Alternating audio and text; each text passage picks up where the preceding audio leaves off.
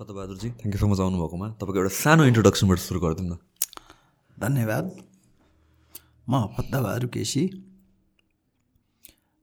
मेरो पेसाले प्राध्यापन पेसा हो। म व्यवस्थापन विषयको प्राध्यापक हो। इन्सुरेन्समा तपाईँ लाग्नुभयो कति भयो इन्डस्ट्रीमा इन्डस्ट्रीमा लगाएको त म कसरी लगाएको भन्ने हो र तर म चाहिँ नेपालको बिमा क्षेत्रको नियमनकारी निकाय बिमा समितिको अध्यक्षको हैसियतले दुई टर्म अथवा आठ वर्ष दुई हजार पैँसठी सालदेखि प- पुस पैँसठी पुस नौ गतेदेखि दुई हजार त्रिहत्तर पुस आठ गतेसम्म म आठ वर्ष इन्सुरेन्स सेक्टरमा बिताएको हो। सो हाम्रो नेपालमा अब इन्सुरेन्स अब बिस्तारी बेला बेलामा कुरामा त आउँछ हाइलाइटमा आउँछ सर्टन थिङ्सहरू आउँछ। हाम्रो नेपालमा इन्सुरेन्सको हिस्ट्री चाहिँ कति पुरानो छ? यसमा राम्रो क्वेसन सोध्नुभयो। अहिले हाम्रो इन्सुरेन्सको नेपालको हिस्ट्री हेर्ने हो भनेदेखि पचहत्तर वर्ष नागिसक्यो। ठ्याक्कै पचहत्तर वर्ष एक महिना अनि लगभग छब्बिस दिन भयो। पचहत्तर वर्ष एक महिना छब्बिस दिन। दुई हजार चार साल आश्विन आठ गते नेपाल अँ, माल चलानी तथा बिमा कम्पनी लिमिटेड भन्ने यो बिमा कम्पनीको स्थापना भएदेखि नेपालमा इन्सुरेन्सको इतिहास औपचारिक इतिहास त्यसदेखि सुरु भएको। त्यसो हुँदाखेरि पचहत्तर वर्ष नागिसक्यो अथवा साढे सात दशक पार गरिसकेको छ साढे सात दशक पार गरिसक्यो भन्दाखेरि हुन्छ। सो अब सेभेन्टी फाइभ इयर्स पचहत्तर वर्ष चाहिँ हामी नाग नागिसक्यो तर हाम्रो स्टेट कम्पेयर टु अरू कन्ट्रीहरूमा चाहिँ हामीहरू कतातिर छौँ? इन्सुरेन्सको प्रायोरिटी कहाँतिर अब त्यसपछि अब यसको हिस्ट्रीमा अलिकति कुरा गरौँ होइन? दुई हजार चार सालमा यसको सुरुवात भयो। नेपालमा औद्योगिक क्षेत्र औद्योगिक जुन विकासको साँच्चै भन्यो भने प्रारम्भिक चरणै थियो। विक्रम सम्बत उन्नाइस सय तिरानब्बे सालमा नेपालमा पहिलो ज्वानी जोइन स्टोक कम्पनी संयुक्त पुँजी कम्पनी स्थापना भएको र उन्नाइस सय चौरानब्बे साल विक्रम सम्बतमा कार्तिक तिस गते उन्नाइस सय चौरानब्बे साल कार्तिक तिस गते नेपाल ब्याङ्क लिमिटेड नेपालको वित्तीय क्षेत्रको अग्रणी वित्तीय संस्था मानिन्छ त्यसको स्थापना भयो। र एकातिर औद्योगिक विकासले बल्ल बल्ल बामी सर्न लागेको त्यसको साथसाथै अरू व्यवसाय व्यापार त हुँदै गरेको थियो र देशभित्र पनि उद्योग क्षेत्रलाई नेपाल ब्याङ्कले ऋण दिनुपर्ने र विदेशी व्यापारमा पनि फाइनेन्स गर्नुपर्ने। त्यस्तो अवस्थामा ब्याङ्कको ऋण को सुरक्षणको लागि नेपाल ब्याङ्कको आफ्नै अग्रसरतामा यसको सब्सिडरी कम्पनीको रूपमा त्यो दुई हजार चार सालमा बिमा कम्पनी खोलिया हो। यसरी नेपालमा औद्योगिक क्षेत्र वित्तीय ब्याङ्किङ सेक्टर र त्यसको साथसाथै इन्सुरेन्स सेक्टर पनि अगाडि बढ्दै गरेको देखिन्छ। दुई हजार चौबिस साल पुष एक गते अर्को बिमा कम्पनीको रूपमा राष्ट्रिय बिमा संस्थान प्राइभेट लिमिटेड भनेर अर्को इन्सुरेन्स कम्पनी आयो जसले दुई हजार चौबिस साल फागुन एघार गतेदेखि आफ्नो कारोबार सञ्चालन गरेको देखिन्छ। तर दुई हजार पच्चिस सालमा आएर दुई हजार चौबिस साल भने मैले अब पच्चिस सालमा आएर त्यो राष्ट्रिय बिमा संस्थान प्रालीलाई त्यो पच्चिस सालमा दुईवटा बिमा क्षेत्रमा दुईवटा डेभलपमेन्ट भयो। एउटा बिमा ऐन दुई हजार पच्चिस आयो अर्को राष्ट्रिय बिमा संस्थान ऐन दुई हजार पच्चिस आइसकेपछि राष्ट्रिय बिमा संस्थान ऐन आएपछि पहिला कम्पनी ऐन अन्तर्गत थियो। कम्पनी ऐन दुई हजार एक्काइस अन्तर्गत राष्ट्रिय बिमा संस्थान प्राली भन्ने थियो। त्यसलाई चाहिँ अब राष्ट्रिय बिमा संस्थानमा रूपान्तरण गरियो र विशेष ऐन आयो त्यो। एउटा छुट्टै हैसियत भएको विशेष ऐन राष्ट्रिय बिमा संस्थान ऐन अन्तर्गत त्यो कार्यरत रह्यो। यता चाहिँ बिमा ऐन आएपछि ती बिमा कम्पनीहरू अब देशभित्रका दुईवटा बिमा कम्पनी भए र केही भारतीय बिमा कम्पनीहरूले पनि त्यसका शाखाको रूपमा नेपालमा कार्यरत रहेको तिनलाई पनि नियमन गर्नको लागि बिमा ऐन दुई हजार पच्चिस अन्तर्गत बिमा समितिको कल्पना गरियो र त्यसले चाहिँ नियमन गर्ने रेगुलेट गर्ने प्रारम्भ गर्यो। यसरी जीवन बिमा केही वर्षपछि मात्रै यहाँ नेपालमा सुरुवात भएको हो राष्ट्रिय बिमा संस्थान दुई हजार चौबिस सालमा स्थापना भए पनि दुई हजार उन्तिस साल फागुन सात गतेदेखि मात्र नेपालमा बिमा क्षेत्रमा जीवन बिमाले प्रवेश पाएको दुई हजार उन्तिस साल फागुन सात गतेदेखि। त्यसो गर्दाखेरि त्योभन्दा अगाडि चाहिँ के थियो? त्योभन्दा अगाडि थियो? जीवन बिमा कम्पनी नेपालमा थिएन तर जीवन बिमा लेखहरू नेपालमा बिक्री हुन्थ्यो। खास गरी भारतीय कम्पनी र life insurance corporation India LIC इन्डियाले नेपालमा बिमा जीवन बिमा लेखहरू बिक्री गर्ने र बिमा गर्थ्यो। पछि बिमा ऐन र राष्ट्रिय बिमा संस्थानले पनि त्यो काम प्रारम्भ गर्न थालिसकेपछि अब विदेशी बिमा कम्पनीहरूले यहाँ बिमा लेख बेच्नलाई चाहिँ त्यो वैध भएन। त्यसैले के एग्रिमेन्ट गरियो भन्दा त्यहाँ भारतीय जुन जीवन बिमा निगमले बिक्री गरेका बिमा लेखहरू राष्ट्रिय बिमा संस्थानको त्यो जीवन बिमा हेर्ने डिभिजनमा चाहिँ ट्रान्सफर गरियो त्यसरी। त्यसरी चाहिँ अब एकलौटी रूपमा नेपालमा बिमा जीवन बिमा व्यवसाय गर्ने एउटा मात्रै संस्था राष्ट्रिय बिमा संस्थान रह्यो। तर निर्जीवन बिमाको हकमा राष्ट्रिय बिमा संस्थान त पछि अहिले चार सालमा स्थापना भएको राष्ट्रिय के अरे ने नेपाल इन्सुरेन्स कम्पनी लिमिटेड अनि त्यसपछि इन्डियन कम्पनीहरू ओरेन्टल इन्सुरेन्सको शाखा कार्यालय यहाँ अनि नेसनल इन्सुरेन्सको शाखा कार्यालय। निर्जीवन बिमा व्यवसाय गर्ने चारवटा कम्पनीहरू कार्यरत रहे तर जीवन बिमा गर्ने जम्मा एउटा कम्पनी मात्रै राष्ट्रिय बिमा संस्थानले मात्रै गर्यो। त्यो फेरलाई मैले चाहिँ त्यो नेपालको इन्सुरेन्स सेक्टरको फाउन्डेसन फेज भनेर राखेको छु। नेपालको इन्सुरेन्सको हिस्ट्री मैले डिभिजन गर्दाखेरि त्यो फेरलाई एउटा नेपालको यो प्रारम्भिक चरण अथवा त्यो जग बसाल्ने यो चरणको रूपमा मैले लिने गरेको छु। त्यसपछि यो बिमाको इतिहासका लागि अगाडि बढ्यो त्यसपछि दुई हजार चालिसको दशकमा दुई हजार चालिसको दशकमा यता फाइनेन्सियल सेक्टरमा पनि अलि लिबरल पोलिसीहरू अप्नाउन थालियो जसले गर्दाखेरि केही ब्याङ्क ब्याङ्किङ सेक्टरमा फरेन इन्भेस्टमेन्टहरू नेपालमा आयो। त्यही अवधिमा नेपाल अरब ब्याङ्क लिमिटेड त्यति बेला भन्थ्यो अहिले नबिल ब्याङ्क अनि त्यति बेलाको इन्डोसोएज भन्थ्यो अहिले नेपाल इन्भेस्टमेन्ट ब्याङ्कमा कन्भर्ट भएको छ। त्यति बेला ग्रिनलेज ब्याङ्क भन्थ्यो अहिले स्ट्यान्डर्ड चार्टर ब्याङ्कमा कन्भर्ट भएको छ। ती ब्याङ्कहरू एउटा एकचालिस सालमा एउटा बयालिस सालमा एउटा त्रिचालिस सालमा यिनीहरू कार्यरत भए। र त्यति बेलासम्म नेपालमा इन्सुरेन्स सेक्टर प्राइभेट सेक्टरलाई दुईवटा इन्डियन कम्पनी बाहेक प्राइभेट सेक्टरलाई नेपालमा त्यत्रो एलाउ थिएन। च दुई हजार चौवालिस सालमा अर्को एउटा बिमा कम्पनी प्राइभेट सेक्टरमा आयो national life and general insurance company limited भनेर। चौवालिस सालमा आयो चौवालिस सालदेखि नै त्यसले निर्जीवन बिमा व्यवसाय सुरु गर्यो छ्यालिस सालदेखि जीवन बिमा व्यवसाय सुरु गर्यो। त्यो चाहिँ पहिला सरकारी संस्थान राष्ट्रिय बिमा संस्थान सरकारी स्वामित्वको Nepal insurance company limited Nepal ब्याङ्कको सब्सिडरी नेपाल ब्याङ्कमा एकाउन्न प्रतिशत सेयर सरकारको। त्यसले गर्दाखेरि सरकारको क्षेत्रमा मात्रै थियो। अब निजी क्षेत्रमा पनि इन्सुरेन्स व्यवसाय आयो।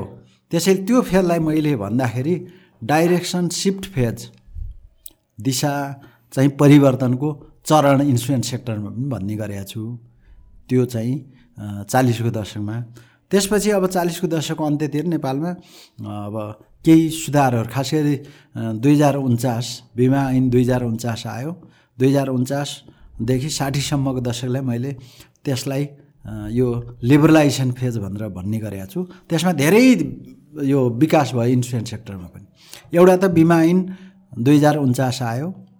बिमा ऐन दुई हजार उन्चास आइसकेपछि बिमा क्षेत्रको नियमनकारी निकाय पहिला त्यो फुल फ्लेज बिमा समितिको फङ्सनिङ थिएन। मिटिङ बस्थ्यो त्यो सेरिमोनियल जस्तो थियो। तर पछि अनि बिमा ऐन दुई हजार उन्चास आएपछि त्यहाँ चाहिँ बिमा समितिको गठन त्यसका काम कर्तव्य अधिकार अनि त्यसको एक यो एक्टिभिटिजको दायरा अनि बिमा क्षेत्रको चाहिँ प्रवर्धन विकास नियमन नियन्त्रण व्यवस्थापन त्यो गर्नको लागि नियमनकारी निकायको पनि त्यहाँ उपस्थिति रह्यो दुई हजार उन्चास सालदेखि र दुई हजार उन्चास सालमै त्यो ऐन आएपछि बिमा क्षेत्रमा तमाम इन्सुरेन्स कम्पनीहरू आए त्यही समयमा। र दुई हजार उन्चासदेखि दुई हजार साठीको भित्रमा त्यहाँ चाहिँ जीवन बिमा कम्पनीहरू तिनवटा जीवन बिमा कम्पनी थपियो। पहिला दुईवटाले काम गर्थ्यो अब तिनवटा पाँचवटा भए। निर्जीवन बिमा कम्पनीमा त्यति बेला ऊ दसवटा निर्जीवन बिमा कम्पनी थपिए गरेर जीवन बिमा कम्पनीको रूपमा काम गर्ने पाँचवटा निर्जीवन बिमा कम्पनीको रूपमा काम गर्ने चौधवटा। संस्थाहरू दुई हजार साठीसम्म भयो। साठीपछि फेरि फर्दर डेभलपमेन्ट। साठीदेखि अहिले पछाडिको लगभग सतहत्तर अठहत्तर सालसम्मकोलाई मैले एक्सपेन्सन फेज भनेको छु। त्यही त्यही बेला दुई हजार साठी सालमा यो ऊ आकस्मिक बिमा कोष भन्ने एउटा संस्था जन्मियो। त्यो संस्था चाहिँ यो नाइन इलेभेनको घटनापछि विदेशी पुनर्बिमा कम्पनीहरूले विभिन्न देशको जोखिम पुनर्बिमा सम्बन्धी जोखिम लिन उनीहरू चाहिँ इन्कार गरे।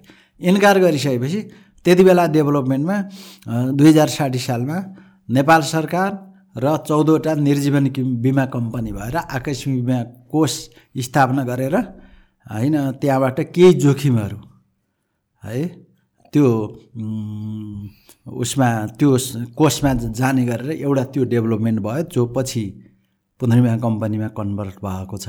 अनि त्यसपछि त्यो पिरियडमा साठीपछि एकसाठी बैसाठी सालतिर तिनवटा निर्जीवन बिमा कम्पनी थपिए र दुई हजार चौसाठीमा चारवटा जीवन बिमा कम्पनीहरू थपिए यसरी त्यो फेज अगाडि हुँदै गयो र दुई हजार एकहत्तर सालमा आउँदाखेरि राष्ट्रिय बिमा संस्थानको एउटा थियो त्यसले कम्पोजिट जीवन बिमा पनि गर्थ्यो निर्जीवन बिमा पनि गर्थ्यो। तर बि बिमाको ऐनले त्यो छुट दिएको थिएन। त्यसो गर्दाखेरि बिमा ऐनले छुट नदिए अनुसार दुई हजार एकहत्तर सालमा राष्ट्रिय बिमा संस्थान एकातिर जीवन बिमा हेर्ने अर्कोतिर निर्जीवन बिमा हेर्ने। जीवन बिमा हेर्नेलाई राष्ट्रिय बिमा संस्थानै निर्जीवन बिमा हेर्नलाई राष्ट्रिय बिमा कम्पनी लिमिटेड भनेर त्यसलाई दुईवटामा डिभिजन भयो कम्पनी नै न यो डिभिजन गर्नु जरुरी थियो हामीले किनभने बिमा ऐनले अहिले इन्टरनेसनल प्र्याक्टिस र बिमा ऐन अनुसार पनि एउटै कम्पनीले दुईवटा व्यवसाय गर्न पाइँदैन। त्यो पहिला पनि भएको। जस्तै अघि मैले भने यो निजी क्षेत्रको पहिलो बिमा कम्पनी ऊ National Life and General Insurance Company Limited त्यसको चाहिँ एउटा नेसनल इन्सुरेन्स कम्पनी लिमिटेड भनेर National Life Insurance Company Limited भनेर त्यो रह्यो। अनि अर्को चाहिँ जुन नन लाइफ इन्सुरेन्सको बिजनेस त्यसैको सब्सिडरी कम्पनीको रूपमा एनएलजी इन्सुरेन्स सर्ट फर्ममा छ त्यो। एनएलजी इन्सुरेन्स भनेर नेसनल लाइफ एन्ड जनरल इन्सुरेन्सको सर्ट फर्ममा एनएलजी इन्सुरेन्स भनेर त्यसलाई त्यसको चाहिँ छुट्याइसकेको अवस्था थियो। त्यसले सेपरेट रूपमा काम गरिरहेको थियो। तर राष्ट्रिय बिमा संस्थानले एउटै संस्थानले दुईवटा काम गरेको थियो। त्यसलाई चाहिँ डिभिजन गरियो एकहत्तर सालमा। र अर्को महत्त्वपूर्ण सुरुवात फेरि के के भयो भन्दाखेरि त्यो एकहत्तर सालमा त्यो आकस्मिक बिमा कोष दुई हजार साठी सालमा खोलिएको थियो। अब त्यसलाई चाहिँ Nepal insurance reinsurance company limited Nepal पुनर्बिमा company लिमिटेडमा रूपान्तरण गरियो। र त्यो बिचमा जस्तै हेल्थ इन्सुरेन्स यहाँले भन्नुभयो लघु माइक्रो इन्सुरेन्स भन्नुभयो अनि बिमा क्षेत्रको यो कर्पोरेट गभर्नेन्स सम्बन्धी प्रोभिजनहरू अनि एग्रिकल्चर इन्सुरेन्स बाली तथा पशु बिमा को अभ्यास त्यही पिरियडमा भयो। र त्यो पिरियडपछि पछि त्रिहत्तर चौहत्तरतिर आएपछि केही कम्पनीहरू फेरि थपिए। जीवन बिमा क्षेत्रमा दसवटा निर्जीवन बिमा क्षेत्रमा तिनवटा गरेर फेरि थप बिमा कम्पनीहरू पनि थपिए। त्यसैले त्यो फेजलाई त्यो फेजमा आइपुग्दासम्म बिमा कम्पनीहरूको सङ्ख्या जी निर्जीवन बिमाको बिस जीवन बिमाको उन्नाइस र एउटा पुनर्बिमा कम्पनी लिमिटेड गरेर चालिसवटा बिमा कम्पनीहरू पुगेको हो। र अहिले यो फेजमा आएपछि अहिलेको फेजलाई मैले कन्सल्टेसन फेज भन्छु। यो फेजलाई दुई हजार यो उनासी भनेर हुन् न। अब बिमा समितिले पनि एउटा निर्देशिका लिएर आयो पुँजी वृद्धि गर्नुपर्ने र अहिले चाहिँ यो बिमा कम्पनीहरूलाई मर्जरमा जानलाई हुन त मर्जर निर्देशिका दुई हजार उन्साठी सालमै ल्याएको हो तर अहिले चाहिँ त्यसलाई इम्प्लिमेन्टेसनमा आयो केही कम्पनीहरू संयुक्त कारोबार गर्न गरिसके अरू कम्पनी मर्जरको प्रक्रियामा छन्। हालै मात्र यो बिमा ऐन नयाँ बिमा ऐन आयो बिमा ऐन दुई हजार उनासी कार्यान्वयनमा आयो र त्यो बिमा कम्पनीले बिमा समिति नियमनकारी निकायको नाम परिवर्तन गरेर यसले नेपाल बिमा प्राधिकरण भन्ने नाम छ र त्यसलाई केही एडिसनल अथोरिटीहरू केही अटोनोमीहरू दिएर कार्यान्वयनमा आएको छ। त्यसैले अहिलेको फेरलाई मैले यो कन्सोलिडेसन अथवा इन्टिग्रेट इन्टिग्रेटेड फेज भनेर भन्छु। त्यसैले नेपालको इन्सुरेन्स सेक्टरको इतिहासलाई क्रमशः हेर्ने हो भने foundation phase direction shift phase liberalization phase expansion phase र अहिले चाहिँ कन्सोलिडेसन फेजमा यो मेरो विचार हो। मेरो विचारमा सहमत कोही हुनुपर्छ भन्ने छैन। तर मैले सजिलोको लागि सर्वसाधारण बुझ्नेको लागि आफूलाई पनि आठ वर्ष म त्यो क्षेत्रमा बिताएको हिसाबले पनि मैले आफूले यसरी चाहिँ डिभिजन गरेको गर्ने जमर्को गरेको छु भनौँ न। सो अब यो जुन मर्जरहरू हुन्छ नि प्रायः ब्याङ्क्समा पनि हामीले देखाएको छौँ अब इन्सुरेन्समा पनि तपाईँले भन्नुभयो मर्जरहरू भइरहेछ। त्यो हुनुको कारण के हो? Is it mostly because manage गर्न सजिलो हुन्छ? थोरै भयो भने? एउटा मर्जरको आवश्यकतालाई एउटै दृष्टिकोणले मात्रै हेर्नु हुँदैन। ओके पहिलो कुरो त इकोनोमीले कति सस्टेन गर्छ इकोनोमीले के डिमान्ड गर्छ त्यो महत्त्वपूर्ण हुन्छ। कम्पनी खोल्ने तर बिजनेस भएन भनेदेखि त्यसले त कसैको पनि राम्रो नगर्ला। त्यसैले एका एकातिर इकोनोमीले कतिवटा कम्पनी डिमान्ड गर्छ त्यो आफैमा महत्त्वपूर्ण हुन्छ।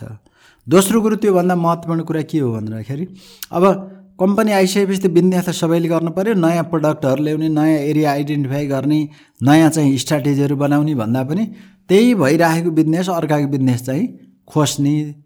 जसले गर्दाखेरि कम्पिटिसन त स्वाभाविक हो तर अनहेल्दी भयो भने त्यसले डिसास्टर गर्छ। त्यसले विपद निम्ति आउँछ त्यसैले मर्जर हुँदाखेरि अनहेल्दी कम्पिटिसनलाई पनि अलिकति कम गर्ला। अर्कोतिर चाहिँ बिमा भनेर भनेको अरू व्यवसाय जस्तो होइन। होइन एउटा सेक्टर चाहिँ गयो कुनै सिमेन्ट उद्योग बन्द भयो बन्द हुन सक्ला। कुनै बिस्कुट बिस्कुट फ्याक्ट्री खोलियो त्यो पनि बन्द हुनसक्छ अब कुनै ब्याङ्क लिक्विडेसनमा गयो त्यसले इम्प्याक्ट पार्छ। त्यसको क्लाइन्ट हुन्छन् त्यसको डिपोजिटर हुन्छ त्यो लाइबिलिटी हुन्छ। त्योभन्दा बढ्दा इन्सुरेन्स कम्पनीहरू चाहिँ त्यस्तो फेल्युर भयो भनेदेखि त्यसले त त्यसले कहाँ असर पार्छ भन्दा आफू त गयो आफ्नो इन्भेस्टर त गयो तर त्यसले चाहिँ पोलिसी होल्डरलाई कति इम्प्याक्ट पार्छ त्यसको साथसाथै अरू जस्तै ब्याङ्कलाई पनि असर पार्छ उसले। ब्याङ्कको लगानीलाई पनि त्यसले थ्रेट गरे हुन्छ। त्यसो गर्दाखेरि यस्तो सेक्टरहरू ज्यादै सेन्सिटिभ सेक्टर हो त्यस्तो सेक्टरमा जुन त्यसको साउन्डनेस फाइनेन्सियल साउन्डनेस र सर्भिस डेलिभरी त्यसको लागि पनि मर्जर एकदम आवश्यक र त्यसको साथसाथै अब खर्च कटौती गर्न होइन इफिसियन्सी बढाउन प्रोडक्टिभिटी इन्हान्स गर्न र त्यसको अल्टिमेटली चाहिँ एउटा गुडविल इमेज गुडविल क्रिएट गर्ने त्यो पनि के भन्दा सिनर्जिस्टिक इफेक्टबाट इमेज गुडविल क्रिएट गर्नको लागि पनि मर्जर आवश्यक हुन्छ। त्यसैले मर्जर किन त्यसको भन्दाखेरि त्यसका विभिन्न मोटिभ्सहरू हामीले केलाउनु पर्छ र त्यसको आधारबाट हामीले हाम्रो विचारहरू अथवा व्यवहारहरू गाइडेड हुनुपर्छ। सो इन्सुरेन्समा त अब थुप्रै प्रडक्टहरू हुन्छ। सबैभन्दा पपुलर प्रडक्ट चाहिँ के हो? ग्लोबली कन्टेक्समा कुरा गर्दाखेरि प्लस नेपालमा कन्टेक्समा कुरा यस्तो हो इन्सुरेन्सको त अब लाइफ इन्सुरेन्सको छुट्टै हुन्छ। नन लाइफको छुट्टै हुन्छ। अब नन लाइफको हेर्ने भने त सबभन्दा जु जुन पनि उत्तिकै हुन्छ तर सबभन्दा अहिले नेपालमा पपुलर हेर्नु भने धन्नै टु के अरे वान थर्डभन्दा बढ्ता बिजनेस अकुपाई गरेको मोटर इन्सुरेन्स छ। मोटर इन्सुरेन्स है भेहिकल अटोमोबाइल इन्सुरेन्स छ। अब त्यसको अलावा इन्सुरेन्सको त नन लाइफमा त फायर इन्सुरेन्स त्यो इन्डस्ट्रियल अथवा यो बिजनेस ग्रोथसँग अलवेज सम्बन्धित हुन्छ। Marine insurance international business international ट्रेडसँग सम्बन्धित हुन्छ। एभिएसन इन्सुरेन्स अब त्यो पुरै चाहिँ अहिलेको त संसारमा त त्यसले डोमिनेट गरे हुन्छ।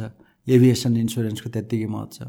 कन्स्ट्रक्सन अथवा इन्जिनियरिङ इन्सुरेन्स हरेक चाहिँ पूर्वाधार विकास गर्नुको लागि त्यसको लागि पनि त्यत्तिकै अपरिहार्य छ। र अहिले हाम्रो जो देशमा चाहिँ एग्रिकल्चर इन्सुरेन्स भनौँ त्यसको पनि ग्रेजुअल्ली चाहिँ एकदम यो- आवश्यकता महसुस गरिएको छ। कति सेक्टरमा त पपुलर पनि छ त्यसैले एकदम यो प्रडक्ट धेरै पपुलर यो चाहिँ अनपपुलर भन्नलाई गाह्रो सबैको आफ्नै ऊ छ। तर लाइफमा भनेर भनेदेखि केही कुराहरू हुन् त अब यो कुन प्रडक्ट उप उपयुक्त र कुन अनुपयुक्त भन्ने चाहिँ त्यो के भन्दाखेरि क्लाइन्टको रिक्वायरमेन्ट उसको प्रिमियम तिर्न सक्ने क्यापेसिटी उसको चाहिँ त्यो प्रायोरिटी आफ्नै लाइफ अथवा प्र प्रोफिटमा गर्ने प्रायोरिटाइज गर्ने कुराहरू त्यसले धेरै फरक पारे हुन्छ। लाइफमा चाहिँ खास गरी इन्डोमेन प्रडक्टहरू महत्त्वपूर्ण मानिन्छ होइन? त्यो पपुलरै हुन्छ। त्यो बन्दोबस्ती बिमा लेख भनेर भन्छ। त्यसको अलावा होल लाइफ इन्सुरेन्स म्यादी जीवन बिमा भन्ने छन् त्यस्तै विभिन्न प्रडक्टहरू हुन्छ। तर हरेक प्रडक्ट चाहिँ त्यो क्लाइन्टको रिक्वायरमेन्ट अनुसार उनको अप्सनमा चुज गर्ने जुन प्रावधान त्यहाँ हुनुपर्छ र ती प्रडक्टको रिलेटिभ्स मेरिट्स र डिफेक्ट त नभनौँ लिमिटेसन। रिलेटिभ मेरिट्स र लिमिटेसनको बारेमा चाहिँ राम्रोसँग क्लाइन्टलाई अवेर गराउने एजुकेट गर्ने र इन्फर्म गर्ने काम फेरि बिमा कम्पनीहरूको र बिमा मध्यस्थकर्ताहरूको जस्तै एजेन्ट थ्रु पनि कति काम हुन्छ। त्यो एजेन्टले एजेन्टले त बिमा कम्पनी र त्यो बिमितहरूको बिचको मध्यस्थता काम गर्छ।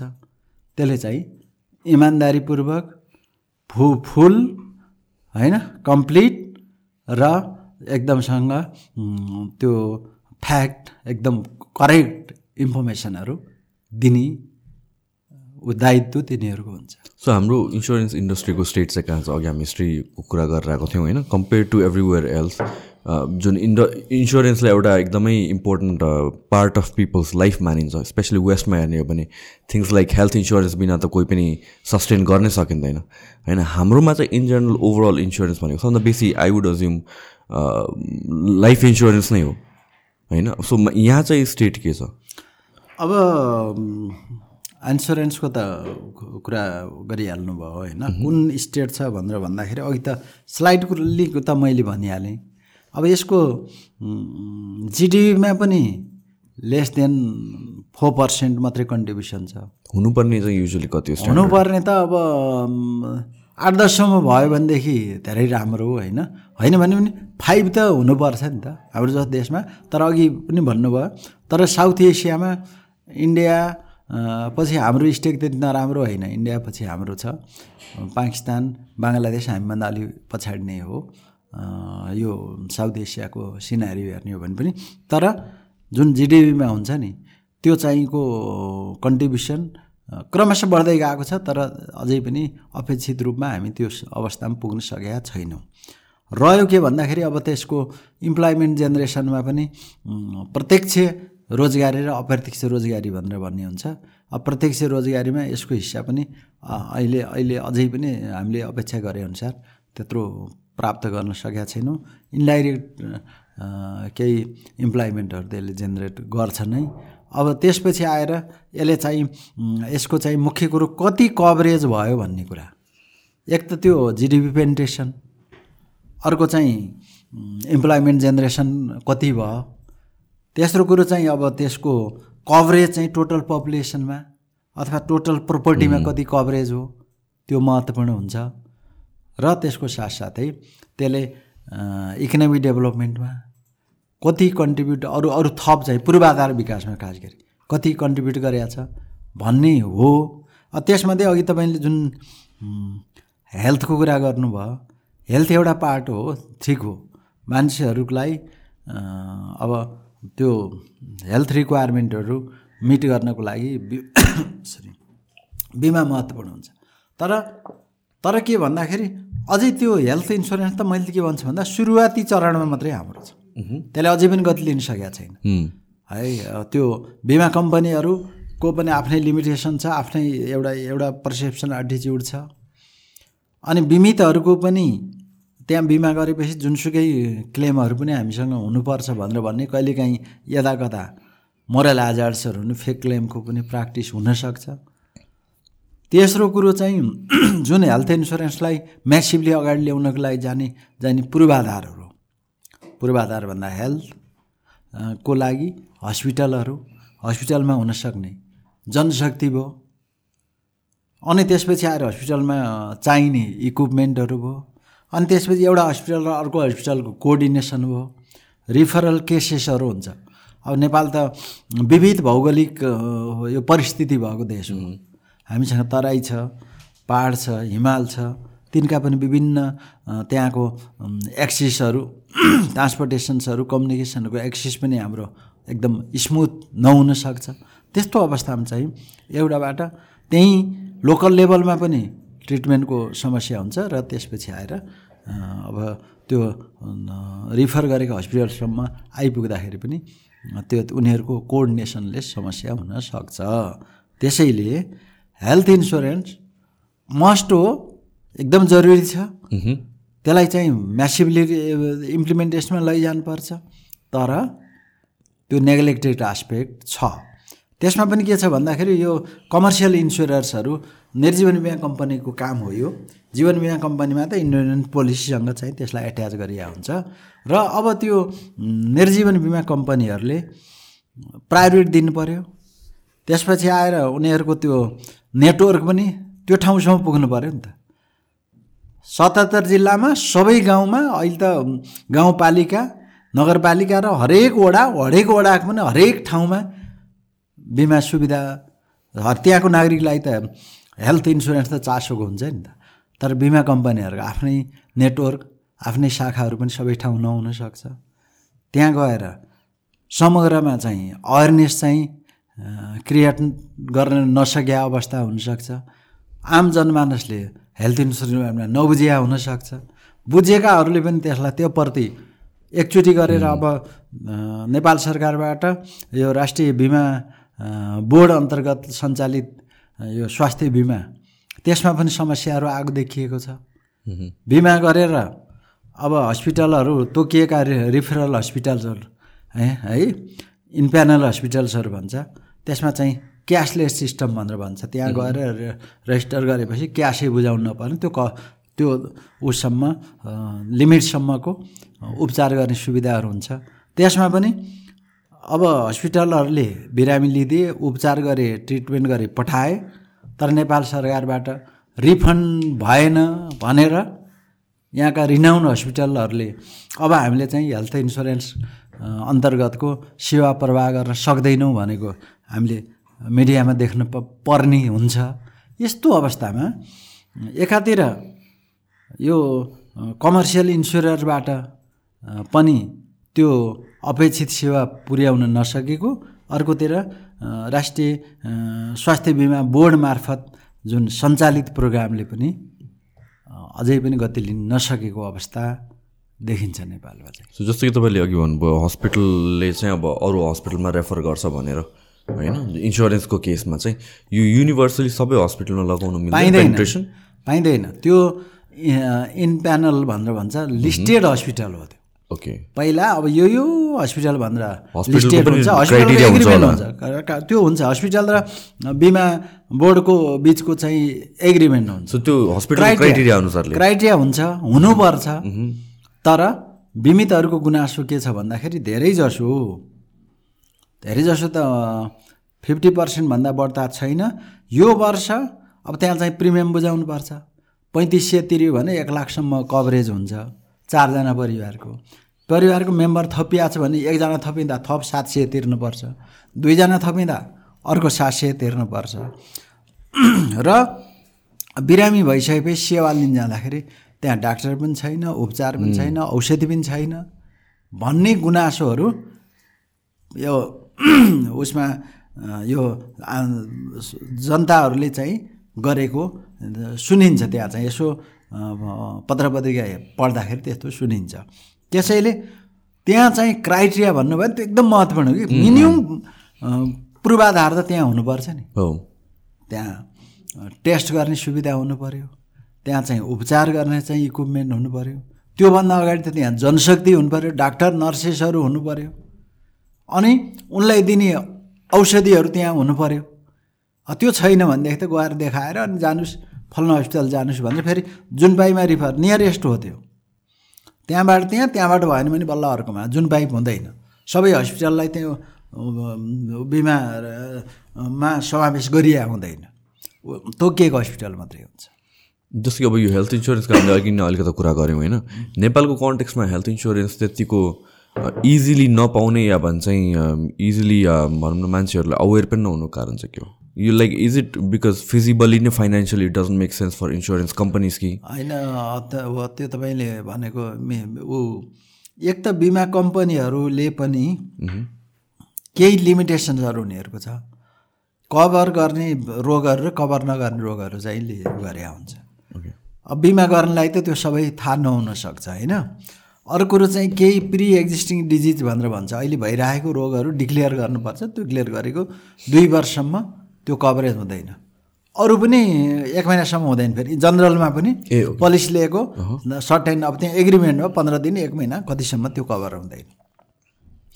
अब बिमा कम्पनीहरूमा पनि के हो भनेर भन्दाखेरि यो चाहिँ अलिकति क्लेम त दिइराख्नु आउँछ उपचार गर्नुपर्ने भएपछि त आइहाल्छ। क्लेम आउने हुँदाखेरि अरू इन्सुरेन्सको जस्तै यसबाट यो प्रफिट मेकिङ बिजनेस होइन भन्ने पर्सेप्सन हुनसक्छ। तर तर फेरि के हो के हुनुपर्छ भन्दाखेरि नाफा त अरू अरू प्रडक्टबाट कमाउने हो नि त। यो प्रडक्ट त सेवा प्रदान गर्ने प्रडक्ट हो नि त। यो प्रडक्टले कुनै व्यक्तिले हेल्थ इन्सुरेन्सको सुविधा पायो भने उसले आफ्नो अरू प्रोपर्टीको इन्सुरेन्स गर्न सक्छ त्यही बिमा कम्पनीसँग। त्यो भयो भने बिमाको दायरा पनि अलिकति बढ्छ। त्यसैले यो अगाडि बढ्न सक्ने एउटा त मान्छेको थाहा नभएर पनि अवेरनेसकै प्रब्लम छ अवेरनेसको प्रब्लम हो। दोस्रो कुरो चाहिँ त्यो मान्छेको अब प्रायोरिटाइज गर्ने परिसकेपछि परियो बिरामी भएपछि मात्रै चाल पाइने नर्मल अवस्थामा कहिले बिरामी हुन्छु भन्ने पनि नसोध्ने त्यस्तो भएको हुँदाखेरि पनि यो पिपुल साइडतिरबाट पनि यो समस्या छ। इन्सुरेन्स कम्पनीले यसबाट नाफा धेरै हुँदैन। भनेर त्यहाँ पनि उनीहरूको एटिच्युडमा पनि केही डिफेक्टहरू छन्। र त्यसको साथसाथै फेरि क्लेम पर्दाखेरि पनि जेन्युन क्लेमहरू भएदेखि हुन्छ कहिलेकाहीँ। अब त्यो फेक क्लेमहरू पनि पर्ने है नक्कली बिलहरूहरू पेस गर्ने त्यसबाट क्लेमहरू खोज्ने त्यस्तो प्र्याक्टिसले पनि यसलाई चाहिँ यो यसको पपुलारिटीमा थ्रेड सिर्ना गरेको हुन्छ तर त्यो भनेर फेरि एकदम टाढा रहने भनेर भन्ने होइन त्यसमा पनि क्यासलेस सिस्टम हस्पिटलसँग चाहिँ लिङ्केज गराउने र त्यसलाई चाहिँ अनि बिमितहरूले पनि ठिक ठिक कुरा मात्रै क्लेम गर्ने अरू कुराहरूमा लोभ नगर्ने गर्यो भनेदेखि यसले चाहिँ वास्तवमा कन्ट्रिब्युटै गर्छ। जस्तै अघि हामीले अलिक कुरा गरेको थियौँ यो पेन्डेमिकको बेलामा अथवा त्यो पेन्डेमिकको कहीँ पनि इन्सुरेन्स हुँदैन तर हाम्रोमा चाहिँ अफर गरिएको थियो। अनि त्यो खासै एउटा हिसाबले अर्गनाइज वेमा चाहिँ सिस्टमेटिक वेमा चाहिँ भएन त्यसको आउटकम अब त्यसलाई अर्गनाइज रूपमै पनि नबनाऊ सिस्टमेटिक पनि नबनाऊ त्यसलाई चाहिँ एडक पनि होइन त्यो त। हाफ त्यो चाहिँ एकदम त्यो चाहिँ के हुइममा आयो त्यो। विदाउट एनी एनालिसिस त्यो एटि त्यति बेला चाहिँ अब त्यो यस्तो कुराहरू त प्र प्रोजेक्सन गर्नुपर्छ। एउटा प्रोएक्टिभ हुनुपर्छ। कतिसम्म यसले चाहिँ हान्छ भन्ने कुरा आयो। पहिला कुरा त दुनियाँमा हुँदैन तर कतिपय ठाउँहरूमा त्यसलाई केही प्रडक्टमा मिसाएर चाहिँ आयो नेपालमा पनि आयो। तर आइसकेपछि ल्याइसकेपछि त्यसलाई पार लाउनुपर्छ सेटल गर्नुपर्ने कि त्यो हुन सकेन क्या त्यो हुन सकेन। नहुन्थ्यो आयो। आए पनि त अब त्यसलाई चाहिँ बिमा गरेपछि त बिमितले त क्लेम त पाउनु पर्यो नि जहाँबाट भए पनि। हो। र पहिलो रेस्पोन्सिबिलिटी कसको भन्दा बिमक भन्छ बिमित र बिमक भन्छ। बिमित भनेको पोलिसी होल्डर बिमक भनेको इन्सुरेन्स कम्पनी उनीहरूको बिचको एग्रिमेन्ट हो। अरूलाई जान्दैन नि त बिमितले त। त्यसैले पहिलो रेस्पोन्सिबिलिटी त बिमा कम्पनीकै हुनुपर्ने बिमकको हुनुपर्ने। तर पछि यस्तो जेल लिएर गयो कि त्यहाँबाट एग्रिमेन्ट बिमा कम्पनी तिनीहरूको परिणतिमूलक सङ्घ संस्था बिमक सङ्घ अनि त्यसपछि पुनर्बिमा कम्पनी अनि त्यसपछि त्यसको बिमाको रेगुलेटर बिमा समिति अनि नेपाल सरकार अर्थ मन्त्रालय यिनी यति भएर यतिसम्मको क्लेम छ भने यसले दिने यतिसम्मको यसले दिने भनेर त्यस्तो एग्रिमेन्ट गरियो। व्यापार गरेको बिमा कम्पनीले? अरू पनि बिचमा अरू अरूले ल्याबिलिटी अरूलाई? अरूलाई लाइबिलिटी गयो। अरूले ल्याबिलिटी तर यो प्रडक्ट आयो चाहिँ कसरी भन्ने कुरा हो? किनभने चाहिँ विदाउट रिसर्च यो अब जस्तो कि आउने बेलामा म अब एउटा लेम्यान भएर पनि मलाई त्यतिखेर चाहिँ फिल भएको थियो कसरी यो इन्सुरेन्स यो पोलिसी नै आइरहेको छ किनभने कोभिड त लेफ्ट एन्ड राइट सबैलाई लागिरहेको थियो कि। अनि यत्रो क्लेम कसरी फुलफिल गर्न सक्छ भनेर म एउटा लेम्यानले सोचे सोच्न सक्छु भनेर भनेपछि यसमा त प्रपर रिसर्च त पक्कै पनि भएको थियो होला। फर सम प्रेसरको कारणले आएको हो कि के भएको थियो होइन त्यो अब त त्यस्तो होला झै पनि मलाई लाग्दैन। त्यत्रो प्रेसरले आए पनि जस्तो म हुन त म कति ठिक हुन्छु होइन? यो यो प्रडक्ट जति बेला आयो दुई हजार सतहत्तर वैशाखमा आएको यो प्रोजेक्ट प्रो- यो पोलिसी यो प्रडक्ट त्योभन्दा दुई हजार छत्तर चैत एघार गतिदेखि लकडाउन भयो। लकडाउन हुँदा नेपालमा जम्मा दुईवटा केसेसहरू भेटिएको थियो लकडाउन हुँदाखेरि।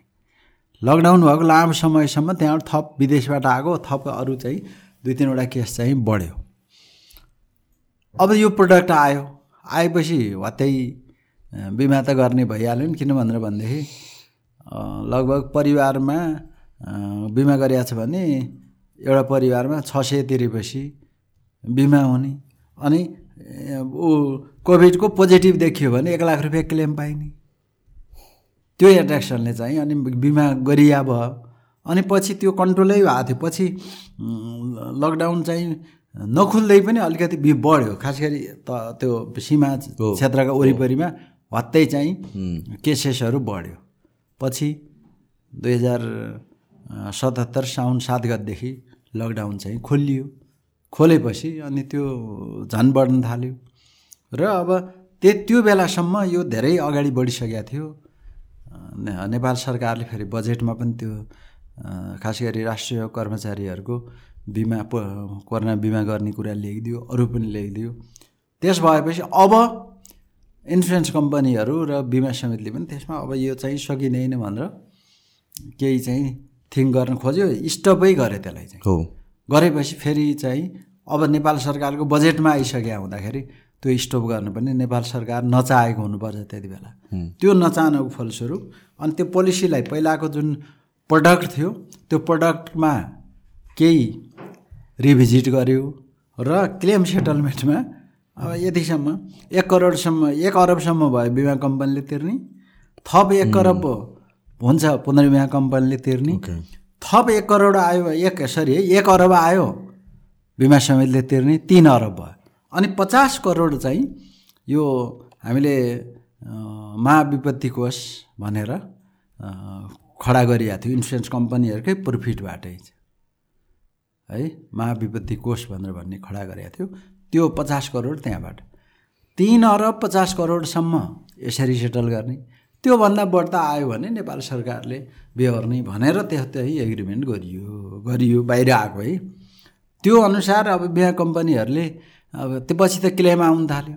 क्लेम आएपछि लगभग त चार अरब जति क्लेम त गइसक्यो।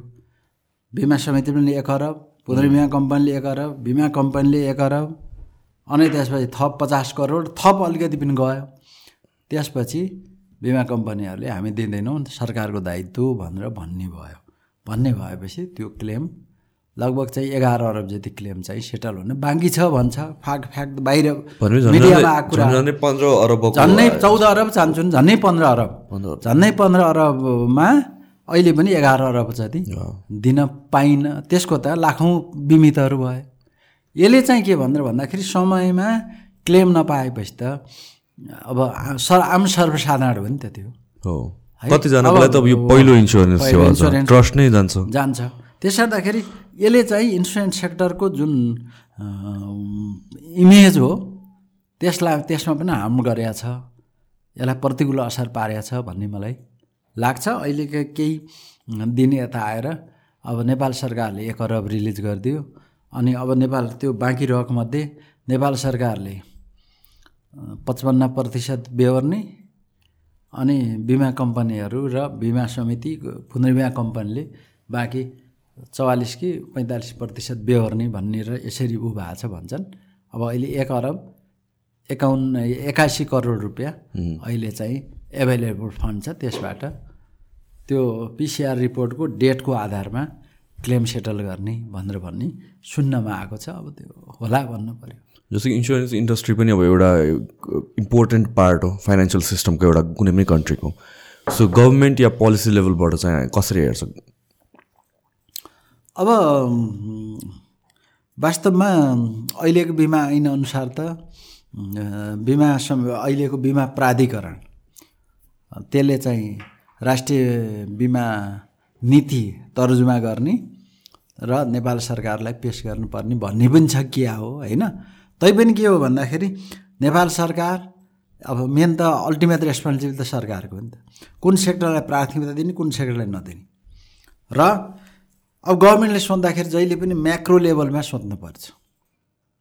एउटा सेक्टर र अर्को सेक्टरको लिङ्केजलाई पनि त्यसलाई चाहिँ ध्यान दिनु पऱ्यो त्यो हिसाबले अब इकोनोमिक रिफर्मको अरू sector finance sector banking sector अनि त्यसपछि आएर चाहिँ अरू इन्फ्रास्ट्रक्चर सेक्टर फाइनेन्सियल सेक्टर बाहेक अरू डेभलपमेन्ट सेक्टरहरू इभन चाहिँ एजुकेसन सेक्टरहरू हेल्थ सेक्टरहरू अथवा सोसियल सेक्टर भनौँ न त्यस्तै चाहिँ इन्डस्ट्री र कमर्स ट्रेड सेक्टर सबैको लिङ्केज गर्दाखेरि त्यसमा इन्सुरेन्स त आउँछ आउँछ। इन्सुरेन्स भने त्यस्तो हो जम्मैसँग लिङ्केज इन्डस्ट्री इन्सुरेन्ससँग सम्बन्धित हुन्छ। ट्रेड इन्सुरेन्ससँग सम्बन्धित हुन्छ। इन्फ्रास्ट्रक्चर अथवा कन्स्ट्रक्सन इन्सुरेन्ससँग सम्बन्धित हुन्छ। हेल्थ इन्सुरेन्ससँग सम्बन्धित हुने भइसक्यो। इभन एजुकेसन इन्सुरेन्स सेक्टरसँग सम्बन्धित हुने। त्यसो गर्दाखेरि त्यो इन्सुरेन्स सेक्टर भनौँ न अब टुरिज्म भन्यो त्यहाँ पनि इन्सुरेन्स सेक्टर आउँछ। हरेक इन्सुरेन्स सेक्टर सेक्टर हरेक सेक्टरले इन्सुरेन्सलाई एउटा कम्पोनेन्ट रूपमा लिने नीति सरकारीतिरबाट हुनुपर्छ।